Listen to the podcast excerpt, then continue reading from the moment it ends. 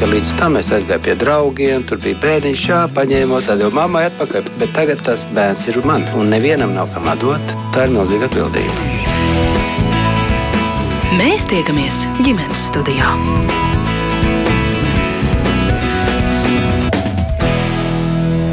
Sveiciens visiem, kuri klausās. Ilza Zvaigznes raidījuma producente Smairidz Notiņa pie mikrofona. Ģimenes studijas šodien ir daļa no Latvijas radio projekta izmisuma zonā.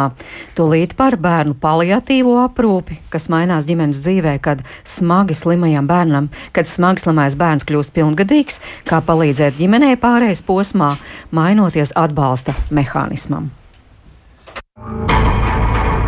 Izmisuma zonā Paliatīvā medicīna Latvijā.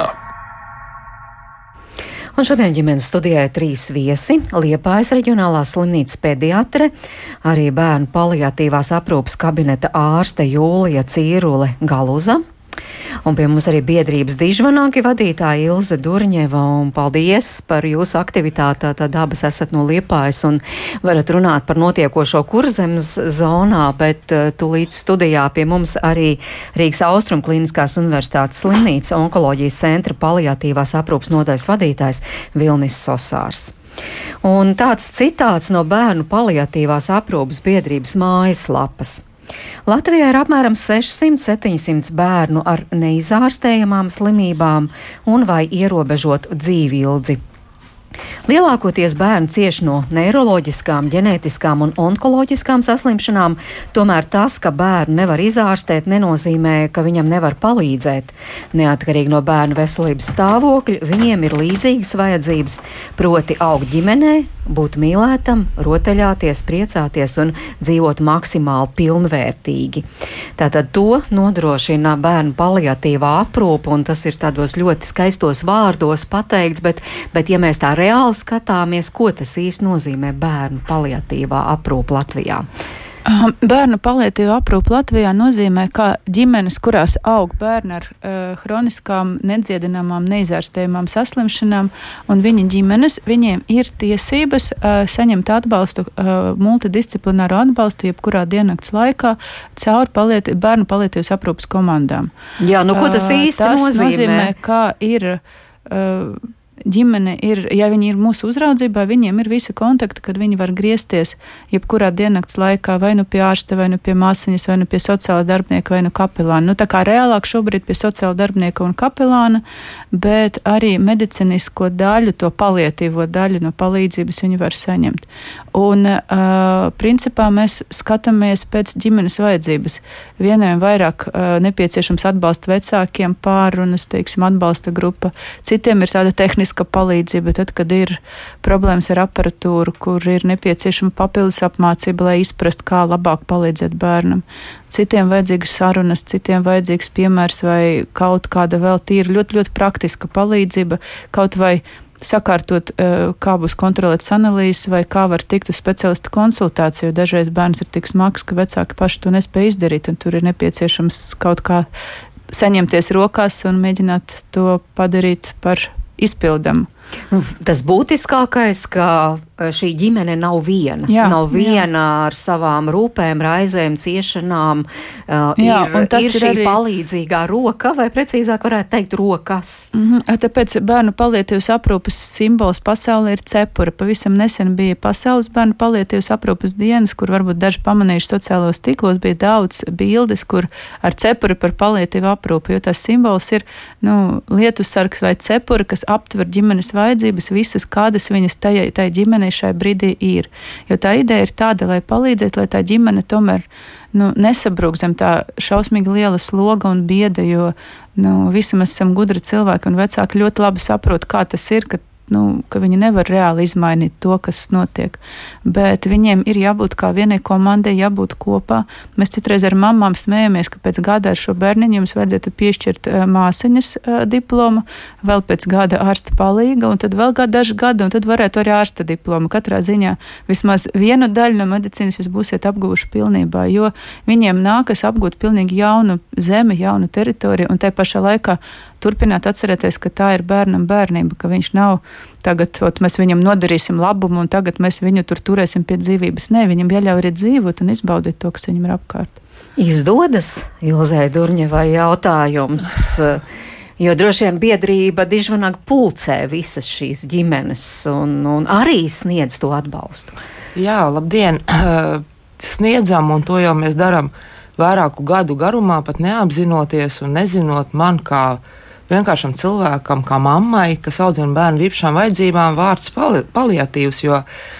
Es kādreiz par to nedomāju, un man visi bērni bija vienādi. Un, tad, protams, augot un satiekot ārstus un, un mācoties, es arī šo vārdu iepazinu un sapratu, ka manā redzeslokā ir bērniņi, kuri ir šī statusā, un viņi ir paliatīvi bet mēs to dikti nešķirojām, mēs vienkārši gājām un palīdzējām. Protams, līdz ar to izveidojās pakalpojumi. Un šobrīd ir ļoti labi attīstījies pakalpojums. Protams, nu redzēs, kā tas viss dzīvē ies. Un, un tas ir attēlus brīža pakalpojums, ja, ko ļoti labi var izmantot vecāki. Viņi ir tiešām noguruši, un tad ir labi, ka es kā, kā mamma, kā biedrības vadītājs, kā sociālais darbinieks un uh, spēju arī saprast, kas tas ir, kas ir šis bērns ar palitīvo aprūpu, kas viņam ir vajadzīgs. Ir labi, ka par rokā ir ārsti, ar kuriem varam pakonsultēties. Un tā kā līdz ar to arī es domāju, ka mēs nu, darām tādu feinu to darbu, arī ja šis bērns kādreiz vairs nav paliatīvs, arī tā notiek. Viņš tiek nu, dziedināts, viņš ir, nu, viņam ir tā krīze pārvarēta, bet viņš nekur citur nepaliek kā pie mums, kā bērns ar īpašām vajadzībām. Tā kā īstenībā viņš pie mums arī aug tāpat kā šie bērni, kur ir izauguši, kad pienāk šie 18 gadi. Un tad ir tas sāpīgākais, kas tad ar mums notiek. Un, jo tie pakalpojumi, ko mēs sniedzam, mēs viņus pielāgojam. Tā ir visiem bērniem, vai viņš ir paliatīvs bērns, vai viņš ir bērns ar īpašām vajadzībām, arī bērni, kuriem vēl var, ir neskaidrās diagnozes, kuriem nav uzstādīts diagnozes. Un, līdz ar to mēs esam izveidojuši arī starpprofesionāļu padomi. Es domāju, ka tādu nu, vajadzētu pa reģionāli veidot, jo ir jau ļoti grūti. Atnāk bērns uz sociālo dienestu. Kā, kā tas solis mums sākās? Šai aiziet uz sociālo, uz sociālo dienestu, uh, sociālais dienests jau skatās pēc tā, kas pienāks, kas nepienākas, kādus pakalpojumus var nodrošināt, kādus ne. Tas nav viņa uzdevums izvērtēt, kā, kas ir šis bērns. Tālāk viņš nokļūst pie mums, jo mēs šos pakalpojumus sniedzam. Un tad ir labi, kad ir tāda starpprofesionāla padoma, kurā ir seši dažādi jomu speciālisti, un ar līdz ar to mēs arī izķeram. Un mēs paskatāmies, jā, viņš ir, viņš ir kvalitīvs bērns, bet neviens viņam to nav pateicis. Viņš ir maziņš, viņam ir 3, 4 gadi. Ja? Jo bieži vien ir tā, ka viņi mums pazūd, kāpēc mēs, viņi uzrādās, ka viņiem ir 7, 9 Mm. Paliatīvs tomēr jāpaskaidro. Tas nozīmē bērns, kura mhm. slimība, kura slimība var būt. Pirmkārt, viņa nav ārstēma, un otrkārt, viņa stipri ietekmē dzīves kvalitāti poten, un potenciāli ietekmē dzīvildzi. Ka, nu, ar lielāku varbūtību nu, nebūs tā, ka viņš nodzīvos līdz pensijas vecumam. Viņa dzīvība periodiski ir apdraudēta vai nu ar slimības komplikācijām, vai nu, ar to slimības dabīgo gaitu. Bet tomēr bērni nodzīvo līdz 18 Jā, gadu vecumam, sasniedz pilngadību. Un uh, medicīna iet uz priekšu, un arī nu, manā pieredze kā ārste ir tā, ka pirms dažiem gadiem tie bērni, kas nāca ar to pašu diagnozi no ģenētiķa, parasti bija prognoze, nu, mēs varētu sagaidīt vienu gadu vecumu. Paiet pāris gadi, un tad viņi nāk no ģenētiķa jau ar lapu, kur rakstīts, nu, mēs varētu būt. Uh, Mēs varētu cerēt, ka šis bērns sagaidīs trīs gadu vecumu, un tagad jau, nu, iespējams, ka sagaidīs skolas vecumu, jo progresē jau tas iespējas palīdzēt, un to mēs neviens nevaram zināt. Un tas, ka vecāki cer uz brīnumu, nav jau tā, ka pie mums visi atnāk ar domu, nu, man ir mirstošais bērns, nu, tagad, nu, nezinu, ko man darīt, tad tuvāko visu dzīvē es raudāšu un gaidīšu, kad viņš nomirs. Nu, nē, viņi visi saprot, ka var notikties brīnums, un, bet tāpēc jau tas ir brīnums, ka tas nenotiek katru reizi. Bet tajā brīdī, kad šādam bērnam paliek 18, vai varētu teikt, ka tā aprūpe, tā palīdzība no malas, kā jūs teicāt, tā cepure, kur Mhm. sniedz mm -hmm. visi, sadodoties rokās, tā, tā kā tiek norauta. Jā, jo mums viss principā nav sākās tranzīts. pieaugušo dzīvi. Uh, Mums nav izstrādāts tranzīts. Mazliet iedīgļi no tā sāk veidoties. Uh, Ļoti daudz, kas tiek darīts bērnu slimnīcā, teiksim, tagad parādīs reto slimību kabinets bērnu slimnīcā, kur tie bērni, kuriem ir, nu, jo mums jau arī, mēs jau smējamies, mēs, nu, jā, mēs esam palietīva ap, aprūpe, bet mēs tikpat labi esam reto slimību kabinets, jo praktiski lielāka daļa no mūsu bērniem ir unikālām diagnozēm. Un tagad ir reto slimību kabinets, kuri drīkst savējos uh, paturēt arī pēc 18 gadiem, jo nekur jau nav pazudis 18 gados. Viņš kā bija vienīgais, teiksim, Latvijā vai viens no trīs Latvijā, viņš tāds arī paliek. Vai tas nozīmē, ka pieaugušo paliatīvā aprūpe ir krasi atšķirīga? Mēs te runājam vairāk kā ir bērniem, un tajā brīdī, kad bērnam paliek 18, viņš ir pieaugušais un nonāk pieaugušo paliatīvā aprūpē. Kur, ir, kur tur ir tās atšķirības, ko bērns zaudē? Nu jā, te jau pats galvenais jau, man liekas, bija pateikts, jā, tas, ka uh, svarīga ir komanda. Jā, tā tad arī uh, komanda un arī, teiksim, tā cepure, jā, kur ir dažādi speciālisti tā, jo, jo teiksim, pieaugušo palietīvai aprūpē lielākoties, nu, vismaz uh, mūsu nodaļā nonāk 99% tā ir onkoloģija. Ielaistās stadijās, un kad ārstēšana ir pabeigta, un, un, un tad ir nepieciešama jā, tālāk ir dažādu simptomu novēršana un kopšana. Un tā.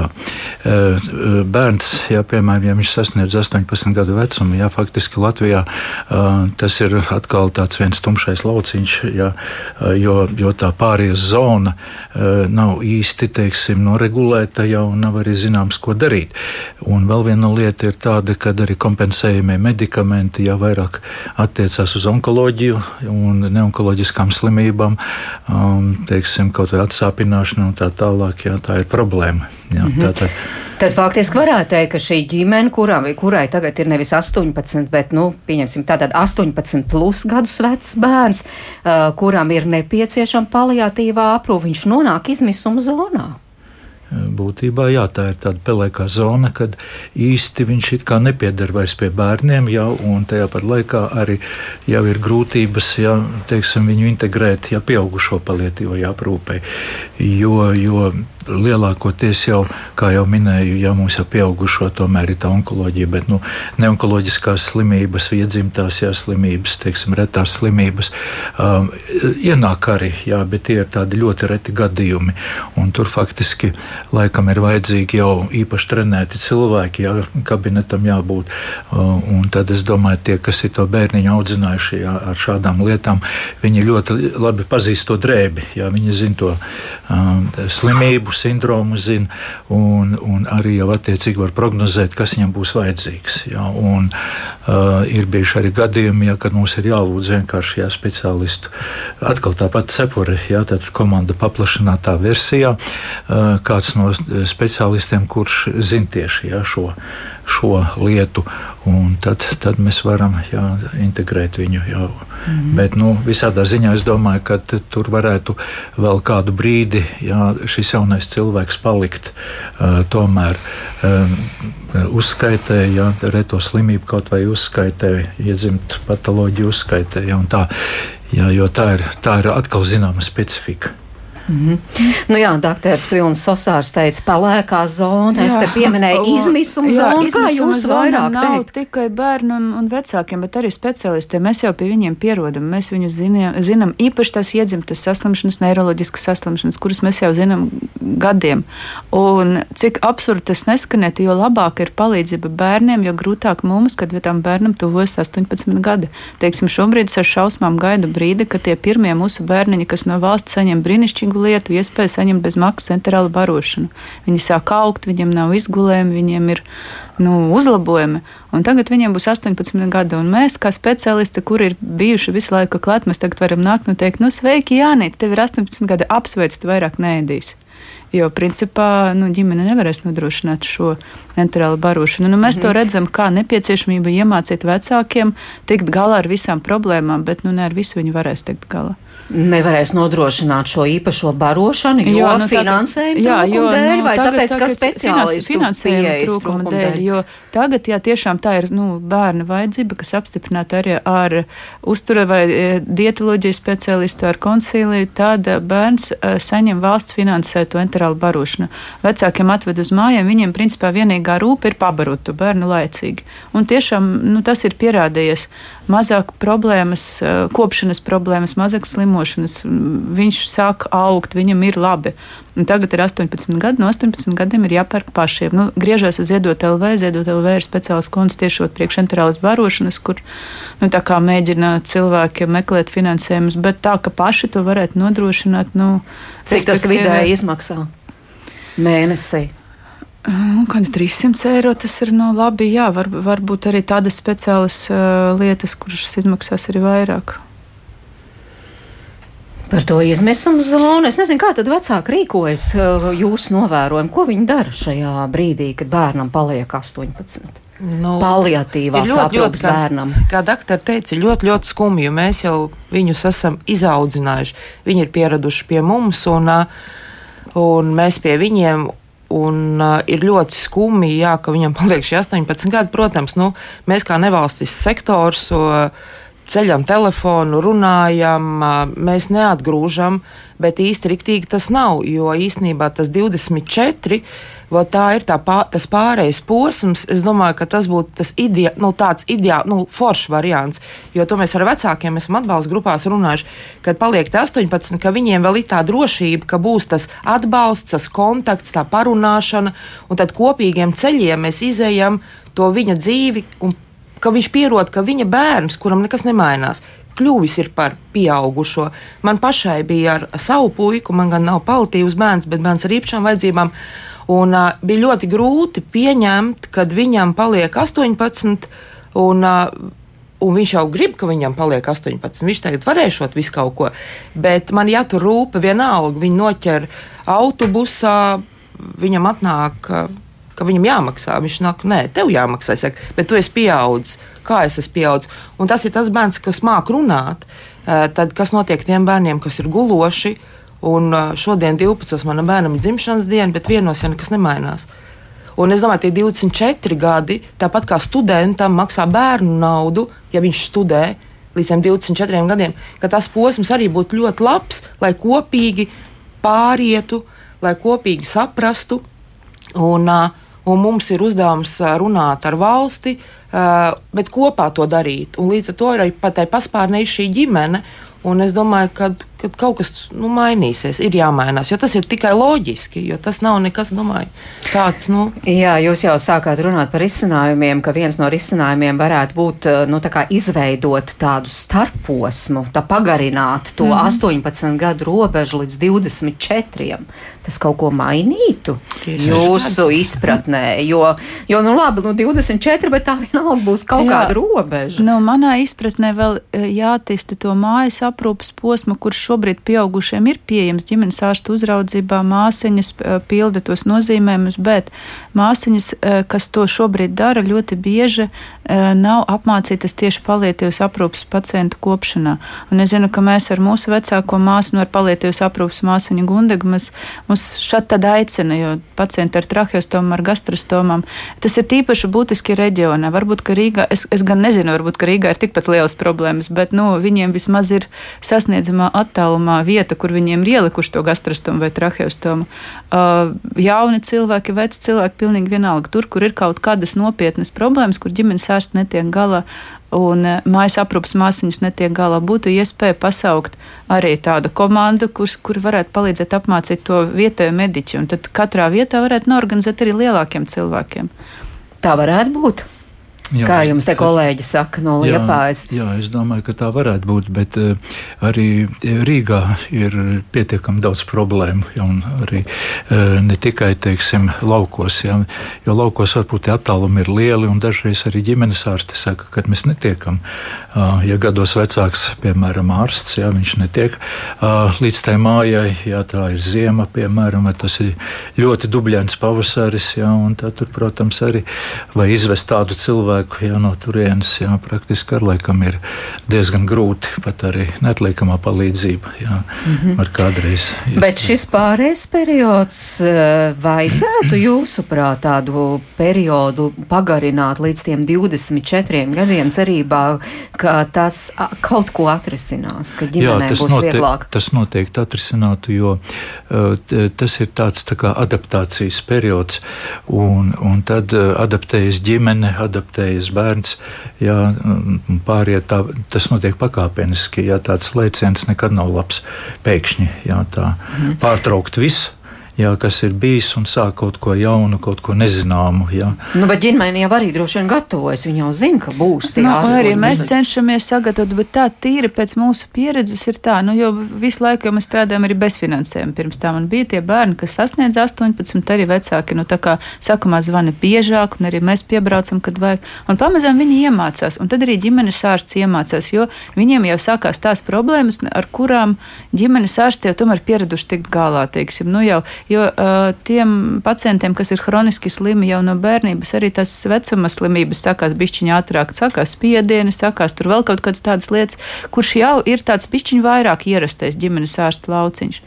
Un arī vecāki saprot, ka, nu, jā, nu, es esmu iedevis savam bērnam to skaisto bērnību, tagad es varu tomēr, nu, saprast, ka, nu, jā, mēs esam kopā, mēs esam cīņa biedri, bet, nu, principā, uh, nu, daudz ko mums vajag pašiem tagad darīt. Un arī atsijājas tie, kuri nu, tiešām nespēja to izdarīt. Jo viens baismīgi smags process un smags posms ir tad, kad bērns kļūst pusaudzis, viņš ir smagāks fiziski, ģimene jau ir nogurusi, jo abi divi vecāki jau noskrējuši maratonu 13, 14, 15 gadu garumā bez atpūtas. Un, uh, nu, ir viens moments, kad daļa no nu, tiem pacientiem nonāk arī ilgstoši sociālās aprūpas iestādēs. Tīri praktisku apsvērumu dēļ. Jo, ja tas pacients ir tik smags, ka mamma ir smalciņa un viņa nevar viņu pacelt, mājās nevar ierīkot ne pacēlēju, neko tādu, tad nu, būtu arī nežēlīgi viņu atstāt tur uz vietas, jo viņš vienkārši gulēs gultā un ar izgulējumiem pat nespēs nomazgāties, tāpēc ka nu, mamma to vien pat nevar sniegt. Parasti tie ir tie jaunie jauno pieaugušo gadi, kad uh, nu, tas smagais lēmums tiek pieņemts. Vai nu mēs esam adaptējušies, mēs varēsim tikt galā, un tad principā kaut kā jau sakārto, vai nu mēs saprotam, ka nē, nu, mēs esam izdarījuši visu, ko varējām, bet nu, tomēr tā būs citādāka risināšana, jo cieši citi bērni, cieši arī tas pats bērns, kas kļūst par pie, pieaugušo, bet kurš nu, nav vairs paceļams fiziski, tomēr jārisina ir citādāk to aprūpas jautājumu. Parasti tie ir nu, līdz 18, viņi arī iztur lielāka daļa. Un tad saprot, ka nu, tas nebeigsies nekad, tad vien nu, tie, tie smagākie varbūt arī nonāk tur, kur viņiem aprūpe arī tiks nodrošināta visa mūža garumā. Nu, jūs te pieminējat, protams, ja ģimenē ir divi vecāki, jā. kuri ir noskrējušies, bet visbiežāk jau ir viens vecāks. Un tad ir vēl trakāk, jā. un dažreiz tie vecāki nu, jūtās šausmīgi vainīgi, bet tomēr ievieto bērnu arī uz sociālo aprūpi, tāpēc, ka nu, mums arī bija ar Ilzi nu, pirms kāda laika saruna ar māmu, kura nu, tiešām centās 15, 16 gadus, un tad viņa teica, jā, un tad man sāk sapēt mugura, un es, man jāpārliek tas bērns no gultas uz ratiņkrēsla, un es nezinu, ja es nokritīšu tepat blakus, es pat netikšu līdz telefonam un viņš arī ne, un ko mēs tagad nomirsim abi divi šeit. Jo, nu, nu reāli, nu, nav mums paredzēta tāda, mums pat nav paredzēts, ka ergoterapeits uz mājām braukt un palīdzētu vecākam iekārtot pat vislabākos apstākļos, ja viņam būtu nauda to izdarīt. Iekārtot tā, lai viņš arī to smago pusaudzi varētu cilāt, pārvietot. Tas ir tikai cilvēku radoša pieeja un uh, radinieku tīkls, kas var atbalstīt radinieki, draugi, kuri pa 18 gadiem jau viena daļa ir nu, projām kaut kur, tāpēc ka izmisuma zonā ir grūti. Nu jā, man liekas, ka visu laiku no šīm problēmām, ko jūs iezīmējat, īstenībā var mācīties vai var jau ņemt vērā pieaugušo paliatīvās aprūpas darbinieki, tie, kuri strādā par šo domāt. Jā. Jā, tas ir pilnīgi pareizi. Uh, un, un tad jau, uh, ja ir tāda laba adaptācija notikusi, un teiksim, mēs redzam mm, šādu jaunu pacientu, uh, varbūt 24, 25 gados, jā, un tad jau arī viņam pašam ir izpratne, un, un kādreiz jā, viņš, viņš, viņš, viņš pat pamāca, jā, kas būtu jādara labāk, un, un kā viņam liktos, ka tas ir tā. Jā, bet tā uzreizīt krasi izmainīt varbūt to dzīvesveidu jau un visu nepieciešamo, kas ir, ir ļoti, ļoti grūti. Un es domāju, ka arī ģimenes ārstam tas būs ārkārtīgi grūti paceļams jautājums. Un, Un, un to liecina arī ļoti daudzie zvani. Tieši ģimenes ārsti zvana, ja, kur pat liekas, nu, mums liekas tādas ikdienišķas situācijas, ja, bet uh, tur, kur ir jauni cilvēki un, un, un tur, kur ir tur, kur ir piemēram tādas varbūt atšķirīgākas problēmas nekā, nekā, nekā teiksim, mēs esam pieraduši redzēt jā, ikdienā, tad, tad es varu iedomāties, cik grūti tas ir piemēram mājas apstākļos. Pēc dziesmas, jā, tagad uh, dziesmu klausīsimies, un pēc dziesmas mums arī daži, daži vecāku uh, iebildumi vai stāsti, kur viņi saredz problēmas, kuras būtu jārisina. Tās tad arī klausīsimies pēc dažām minūtēm. Mēs tiekamies ģimenes studijā. Un šodien ģimenes studijā ir Liepājas reģionālās slimnīcas pediatre, bērnu paliatīvās aprūpas kabineta ārste Jūlija Cīrule Galuza. Pie mums arī biedrības Dižvanaga vadītāja Ilze Durņeva un Rīgas Austrumklīniskās universitātes slimnīcas onkoloģijas centra paliatīvās aprūpas nodaļas vadītājs Vilnis Sosārs. Mēs par paliatīvo aprūpu bērniem, kas notiek brīd, brīdī, kad bērnam paliek 18, tātad bērns paliek pilngadīgs un kā mēs te jau dzirdējām, tātad daudzas nu, tā teikt, privilēģijas vai mhm. pretīm, nākoš, pretīm nākšanas, diemžēl, ģimene zaudē, jo bērns ir pilngadīgs. Lai gan bērns Jā. skaitās pilngadīgs, bet, bet īstenībā bieži vien problēmas ir tieši tās pašas, kas nepilngadīgam bērnam, jo, jo tie tiešām visbiežāk jā, ir bērni. Ir bērni jā. jā, bērni uz mūžu. Un ģimenes studija pirms šī raidījuma sazinājās arī ar. Um, dažiem vecākiem, uzklausīja viņu domas, un uh, vispirms Ēriks mamma, Ērika mamma, Ērikam pēc trim mēnešiem paliks 18, un uh, viņa to jautājumu sadala divās daļās - juridiskie aspekti, medicīniskie aspekti. Uh, vispirms par šiem juridiskajiem aspektiem un skatoties tieši no vecāku viedokļu, jo šajās ģimenēs vecāki ir ļoti cieši saistīti ar bērniem, un es arī ievēroju, ka šie vecāki stāsta nevis, nu, piemēram, mans bērns vai viņš vai viņa, viss ir mēs, mēs, mums, mums palika labāk, mums kļuva sliktāk, jo nu, nekad tā saita tā īsti Jā. nepārtrūkst. Jo tā arī ir pusauģa palietīvas aprūpes. Tā, tas virs uzdevums iemācīt, ka nav mēs, bet ka viņš kļūst pats neatkarīga personība, un tas arī ir darbs. Jā, nu klausāmies Ērikas mammu, ko viņa saka все, что хорошее, все, что вот оно есть в нашем городе, оно заканчивается в 18 лет. Viss labais, kas ir mūsu pilsētā, beidzas, kad bērnam paliek 18 gadi. Un rodas nesapratne, jo viņš kā bija krūts bērns, kurš neko nespēja, tāds ir arī pēc pieciem, desmit un vairāk gadiem. Un tāpēc brīdī, kad iestājas pilngadība, rodas vairāk juridisks un arī medicīnisks dabas jautājumi. Nu, piemēram, bērna vecākiem, lai saņemtu pensiju, Apdrošināšanas stāžam ir jābūt vismaz 25 gadi, un tas tiek rēķināts, kamēr vecāks saņem pabalstu par bērnu invalīdu aprūpi, tātad līdz 18 gadiem. Taču daudzi nespēja sakrāt šos 25 gadus, jo tik līdz bērnam paliek 18, tas beidzas. Потом дополнительный отпуск Три дня, если у тебя есть ребенок инвалид. Un tad vēl. Tiem vecākiem, kuri strādā, pienāks papildus trīs dienas ilgs atvaļinājums, ja bērns ir invalīds. Tikko smagi slimam bērnam paliek 18, nav vairs šīs iespējas. Taču nekas nav mainījies. Šāds bērns nekad nekļūs vesels. Ну и, конечно, вопрос больничный лист. Уход за ребенком до 14 лет. Un vēl, protams, jautājums par slimības lapu vecākiem. Tā pienāks vecākiem, kuru bērnam nav vairāk par 14 gadiem. Nu, protams, tik lielu bērnu var atstāt vienu, taču mūsu bērnus nevar. Pat kopā ar aukli nevar. Aukli atrast ir grūti. Piemēram, šobrīd mēs nevaram savam dēlam to sameklēt, jo puisis ir liels, garums 170, svars 65 kg. Viņš zina, ko grib, viņam ir pubertātes periods, un jebkurā brīdī viņš var sākt psihot. Un tāpēc cilvēki no viņa baidās. начаться психи, и просто люди боятся его.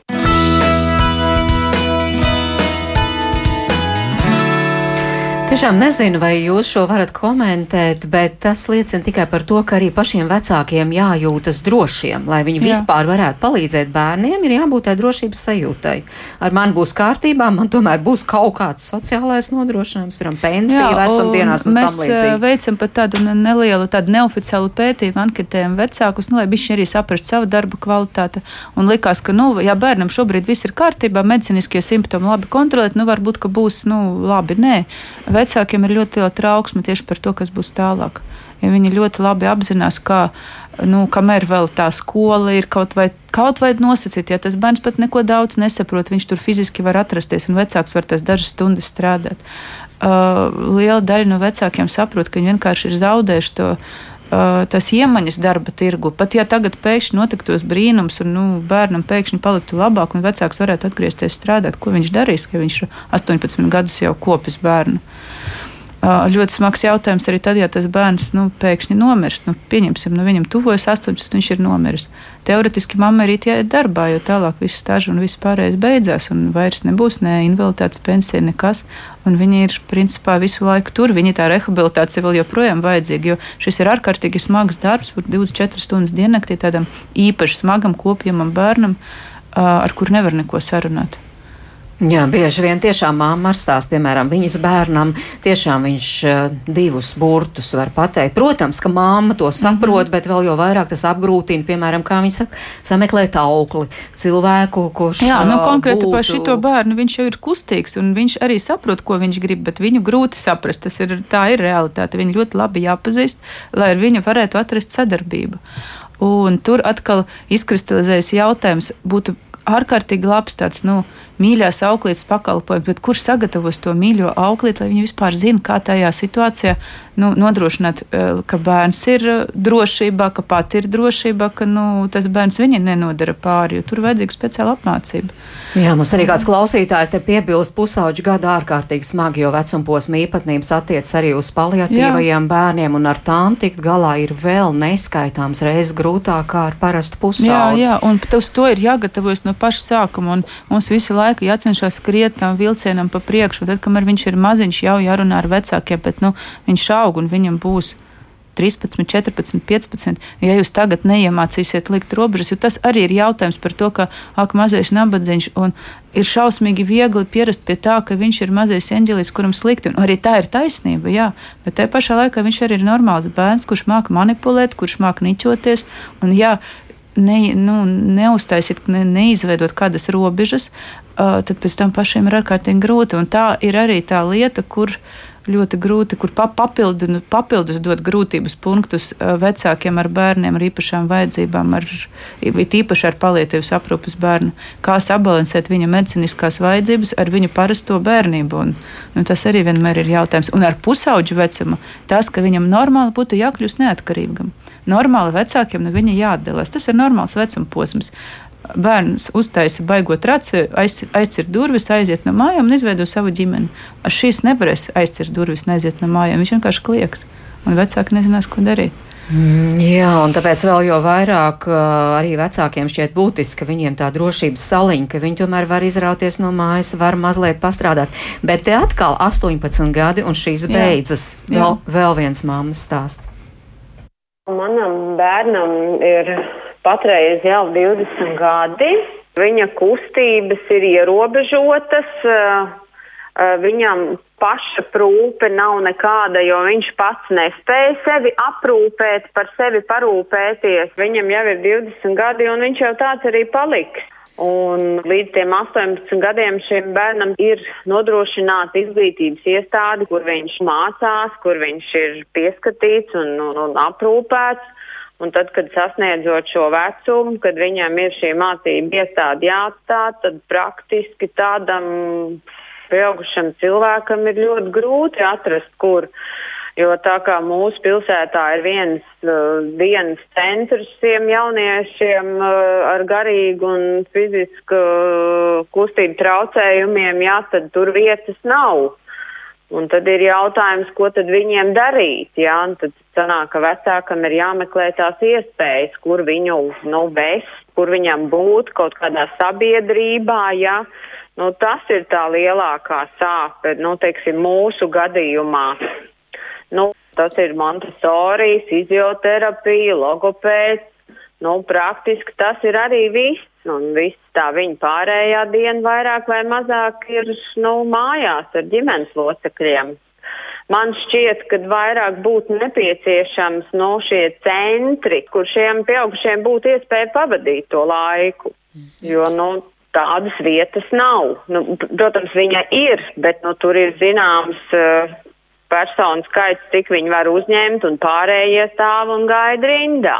Nu, ir jābūt uh, lielākai cilvēku skaitam, kas varētu apmeklēt šos dienas centrus. Jo tad, kad arī, kad mēs savā pilsētā bijām šajā dienas centrā, tad mēs sapratām, ka arī varbūt, ka mūsu bērns īsti tam nebūs piemērots, jo tur vairāk vai mazāk ir tādi cilvēki, kas ir spējīgi paši pārvietoties un paši daudz maz apzināties, nu, kur viņiem uz kādu nodarbību vai kabinetu pāriet un ko viņi tur darīs. Jo, teiksim, no manām bērnam būtu vajadzīgs cilvēks, kas viņam palīdz, nu, teiksim, pāriet uz citu kabinetu vai viņu aizvest, jo viņam tik daudz nebūs tā apziņa pieiet un apskatīties, nu, kas tad viņam tur pēc plāna tagad sanāk, kura nodarbība, jā. Nu, tā kā tas būtu tas, kas būtu nepieciešams risināt, kur un ko darīt šiem pieaugušajiem cilvēkiem.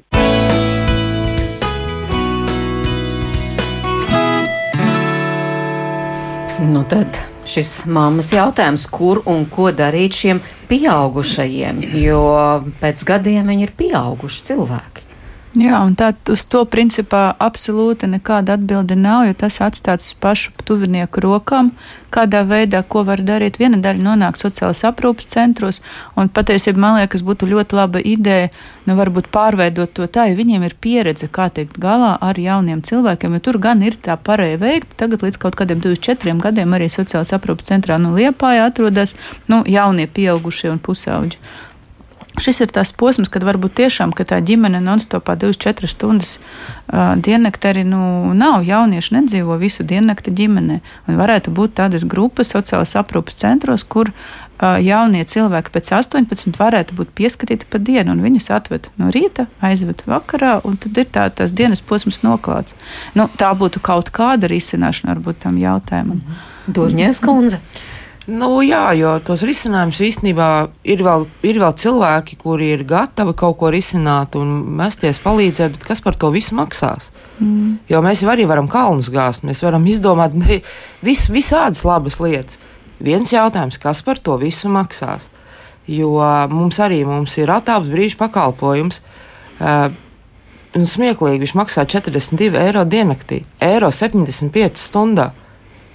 Nu, tas ir trīs, paldies, ka viņš ir. Jā, un, tās ir 30 dienas gadā. Uh, tas ir arī ir, tas ir labi. Jā, vecāki viņu izmanto, vecāki var. Jā.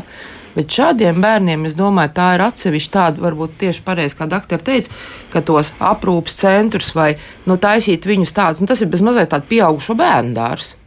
Jā, viņš it kā ir sabiedrībā, un vakarā viņš ir mājās. Nu, tā, tas nu, jā, tas par to puiku maksas, teiksim, bet, nu. bet kas jau vecāki arī nespēs par to samaksāt, jo tā aprūpe šim bērnam, tas nav tā, ka tu kā parasts bērns, vai, nu, tur vajag vismaz atkarībā, mums arī piemēram, piemēram man ir viens bērns ratiņkrēslā, viens bērns tāds, ko nevar noķert, es nezinu, kur viņš aizskries, viens bērns piekalts gultai. Nevar trīs bērnus pieskatīt viens aprūpētājs. Mhm. Tas ir tajā brīdī, kad šie vecāki, nu, it kā attālināts brīdis, aizved jā. uz 30 dienām. Viņi atved uz nedēļu, uz divām. Bet man jāstāsta ļoti kāds kontingents, un es arī nevaru pateikt tā. Man te ir viens aprūpētājs, tu šodien neved, tu rīt arī neved. uh, man jāmeklē tie vai nu visi staigājoši, vai, bet katrs jau tas bērns ir.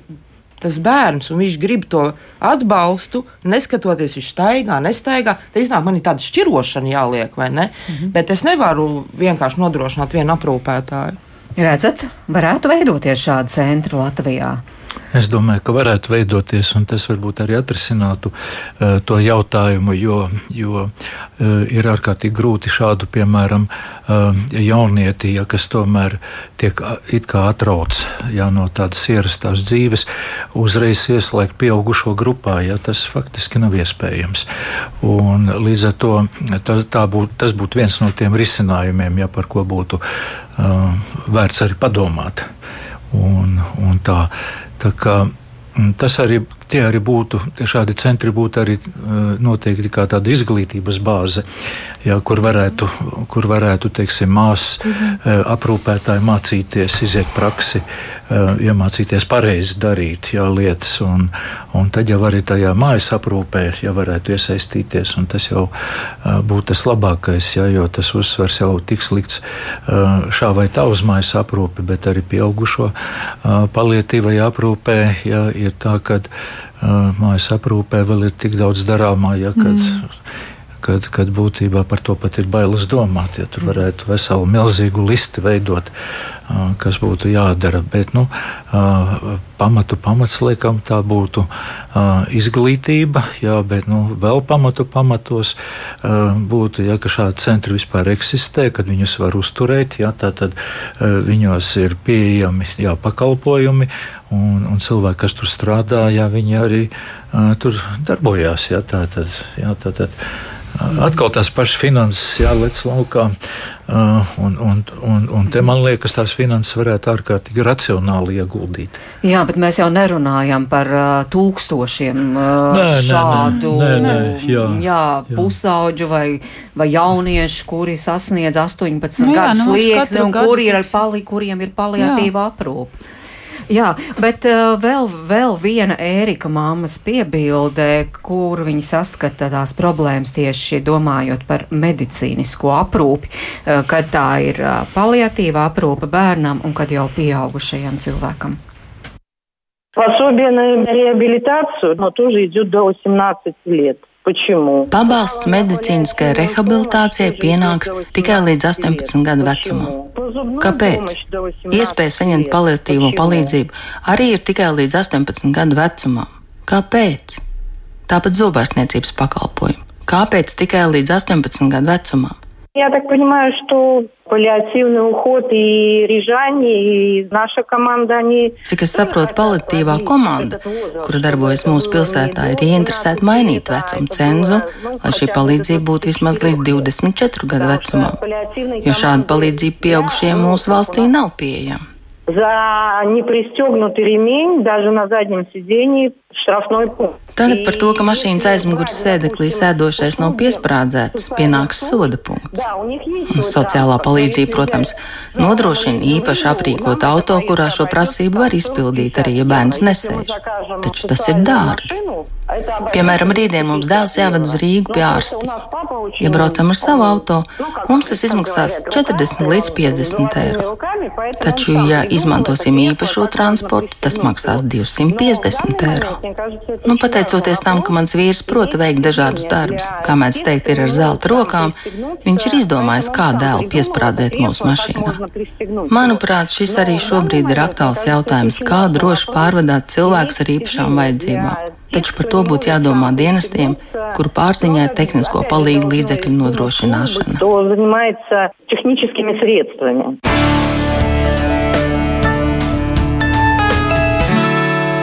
Droši vien, ja šie vecāki labi padomātu, varētu turpināt vēl un vēl jā, un jā. vēl, jo tā ir viņu dzīve, kuras sastāv, jā, es saprotu, no nepārtraukti dažādu praktisku, par ko mēs vispār nedomājam, par šādu praktisku jautājumu mm. risināšanas.